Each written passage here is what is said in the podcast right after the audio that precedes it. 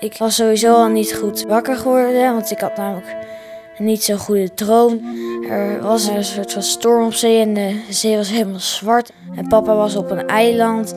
En toen zaten we eigenlijk gewoon te ontbijten. En toen zei mijn moeder van, hoe zou het eigenlijk met papa gaan? En toen zei ik, papa gaat dood. De vierjarige Boris zit met zijn moeder, broertje en zusje aan het ontbijt in Zuidhoorn, een klein plaatsje in Groningen. Op datzelfde moment ligt zijn vader bij Terschelling in zee. Hij is die ochtend gaan zwemmen en het lukt hem niet meer om terug bij de kant te komen. Als je je voorstelt dat je hoofd boven het water uitkomt en dat de golven om je heen 2,5 meter zijn en dat steeds verandert. En je komt ook niet verder vooruit en er komt ook niemand bij je. Ik ging alleen maar spelen in de golven. Het moest leuk worden. En dat het dan een keer zo omslaat en dat je in gevaar bent.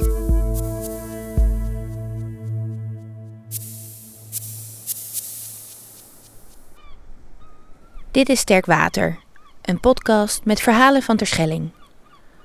Aflevering 4, De Drenkeling. Ik was op de Schelling voor een cursus. Een cursus voor mijn werk. Dit is Jelle, de vader van Boris. Een grote, sterke, maar ook wat zware man. Acht jaar geleden was hij op het eiland om door een cursus te ontdekken waar zijn kracht ligt.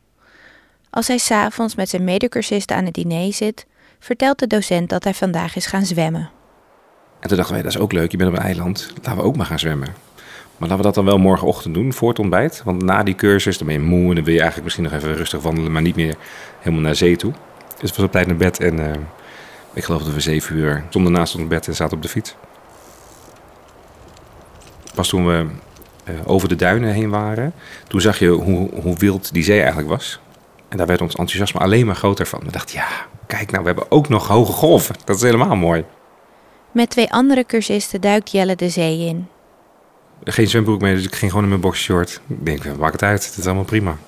En, uh, en we renden de zee in. Nou, alleen maar leuk. Het was echt alleen maar uh, jonge honden die in de grote golven duiken.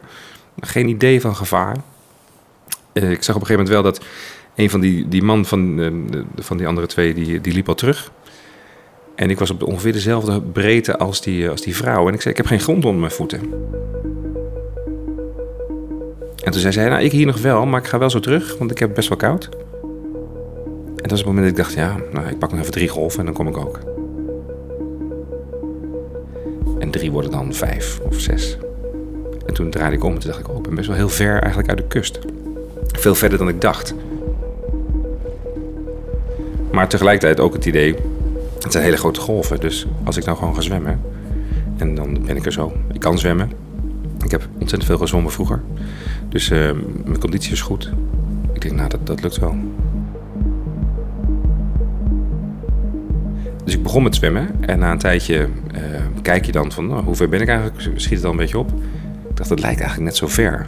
Ik dacht, dan moet ik wel wat slimmer aanpakken. Ik moet even een oriëntatiepunt kiezen. Dus ik neem een duintop. En dan weet ik, dat is ongeveer nu zo groot. En nu ga ik zwemmen. En dan kijken we over een tijdje wel weer. Na, na een tijdje kijk je. Maar wel vanuit het idee, eigenlijk is die duintop nog steeds net zo ver weg.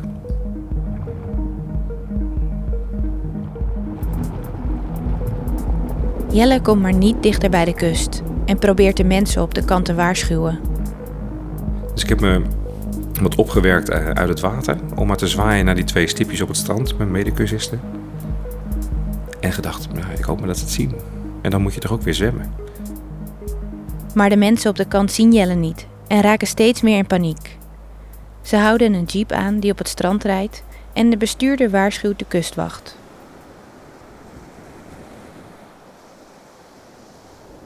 Jelle probeert haaks op de stroming te zwemmen.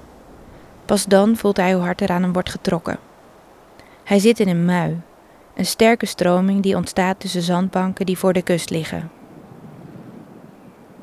Het beste is om je te laten meeslepen, hoe onveilig het ook voelt. Op een gegeven moment kom je vanzelf uit de stroom.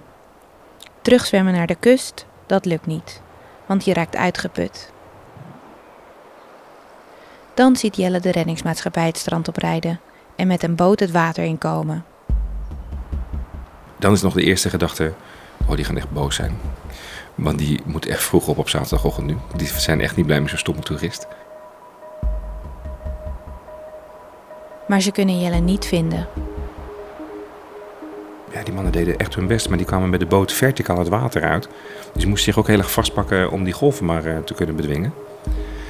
En dan moet je steeds weer zwemmen. Dus dan krijg je het besef van, oh straks is er hulp en dan haal ik het alsnog niet. Ik heb één keer heel hard geroepen dat ik niet dood wilde.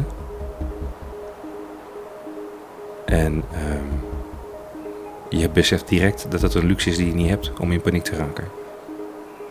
Het komt niet aan, want met al die golven om je heen, dat maakt ook best wel lawaai. Dus je weet ook, dat geluid haalt, dat haalt de kant gewoon niet. En naar wie roep ik het nu eigenlijk? Dan heb je op een gegeven moment wel het besef van, ja, maar ik heb mijn kinderen helemaal niet gesproken. Ik heb mijn vrouw niet gesproken. Jelle is in levensgevaar. Zijn lichaamstemperatuur is gedaald naar 32 graden, de kritieke ondergrens van onderkoeling. Zijn hartslag en ademhaling zijn ernstig gedaald. Jelle raakt uitgeput en besluit om heel even te gaan slapen. Dus ik heb een arm gestrekt en daar mijn hoofd nog opgelegd. En dan, ik weet nog dat ik een grote golf zag komen van linksachter. En ik dacht, nee Jelle, je moet zwemmen, je moet zwemmen. Blijven zwemmen. De tweede reddingsboot die dan komt aanvaren, ziet Jelle liggen. Die is intussen zo ver heen dat hij opkijkt en verder zwemt. Dat was wel een heel raar moment. Dit is Henk Spanjer, schipper van de reddingsboot. Hij geeft les op de zeevaartschool en werkt al 17 jaar als vrijwilliger bij de reddingsmaatschappij. 24 uur per dag, 7 dagen per week, draagt hij een pieper om direct in actie te kunnen komen. Zo ook deze ochtend. Ik kijk op het display en er staat op zwemmer. Bij een zwemmer weet je gewoon dat iedere seconde telt. Je moet gewoon zo snel mogelijk naar het station, zo snel mogelijk ter plaatse zijn. En dat gebeurt ook.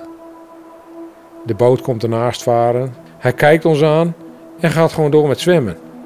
Alsof hij niet in de gaten heeft dat wij er zijn om hem te redden. Pas als de boot heel dicht bij hem is, beseft Jelle dat deze boot er voor hem is. Hij pakt de hand van een van de redders die hem aan boord trekt.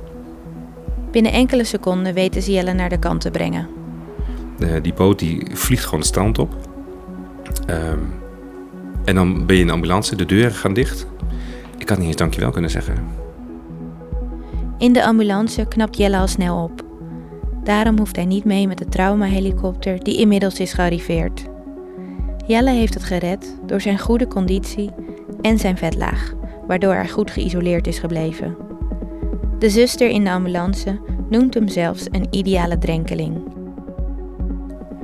Als Jelle een uur later is bijgekomen, belt hij naar huis en krijgt zijn zoontje Boris aan de lijn. Niemand had hem nog verteld wat er was gebeurd. En toen zei hij uit het niks eigenlijk tegen mij van... eh, het waren hele hoge golven, hè, papa.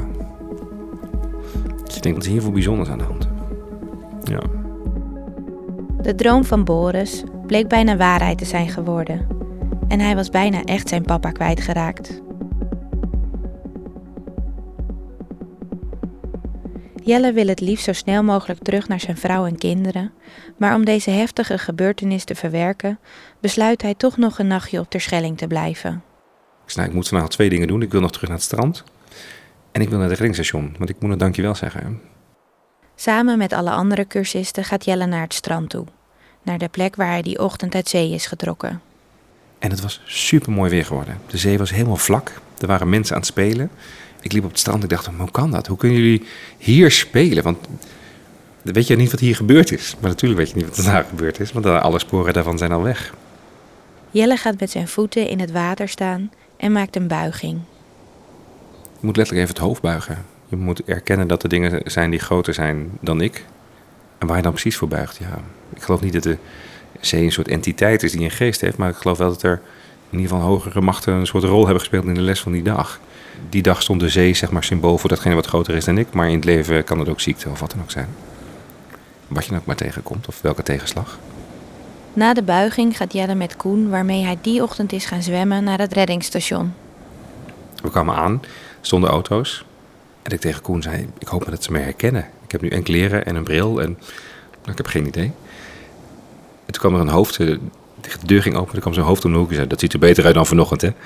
Ik dacht, oké, nou ze herkennen me en ze zijn niet heel boos, dus dat is ook heel goed. En um, En toen kwamen we binnen en toen bleek dat zij ook wel een, voor hun hele heftige dag hadden gehad. Want later die ochtend moesten ze nog een keer uitrukken. Ik sta op voetbalveld bij eh, een voetbalwedstrijd van mijn, eh, van mijn dochter. En eh, de pieper gaat en ik kijk op display zwemmer. Ik denk, nou dat kan helemaal niet. Zo vaak gebeurt dat niet en zeker niet twee op één dag. Opnieuw snelt Henk naar het reddingsstation. Als ze aankomen bij het strand is de drenkeling, een vrouw, al uit zee gehaald. Ze reanimeren haar en geven hartmassage. Maar tevergeefs. Verslagen keren de redders terug naar het reddingsstation. Je bent gewoon, eh, ja, misschien eigenlijk ook wel een beetje opgefokt boos door dat het niet gelukt is.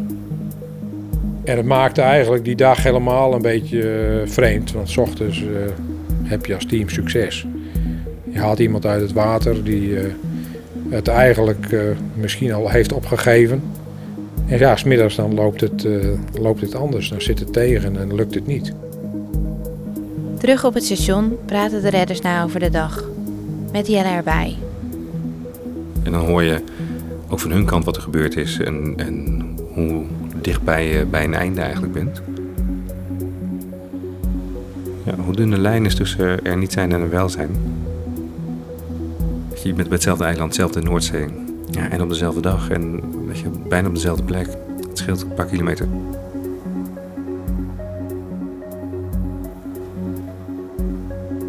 En pas veel later ook het besef dat het met helemaal niks te maken heeft. Dat het niet met.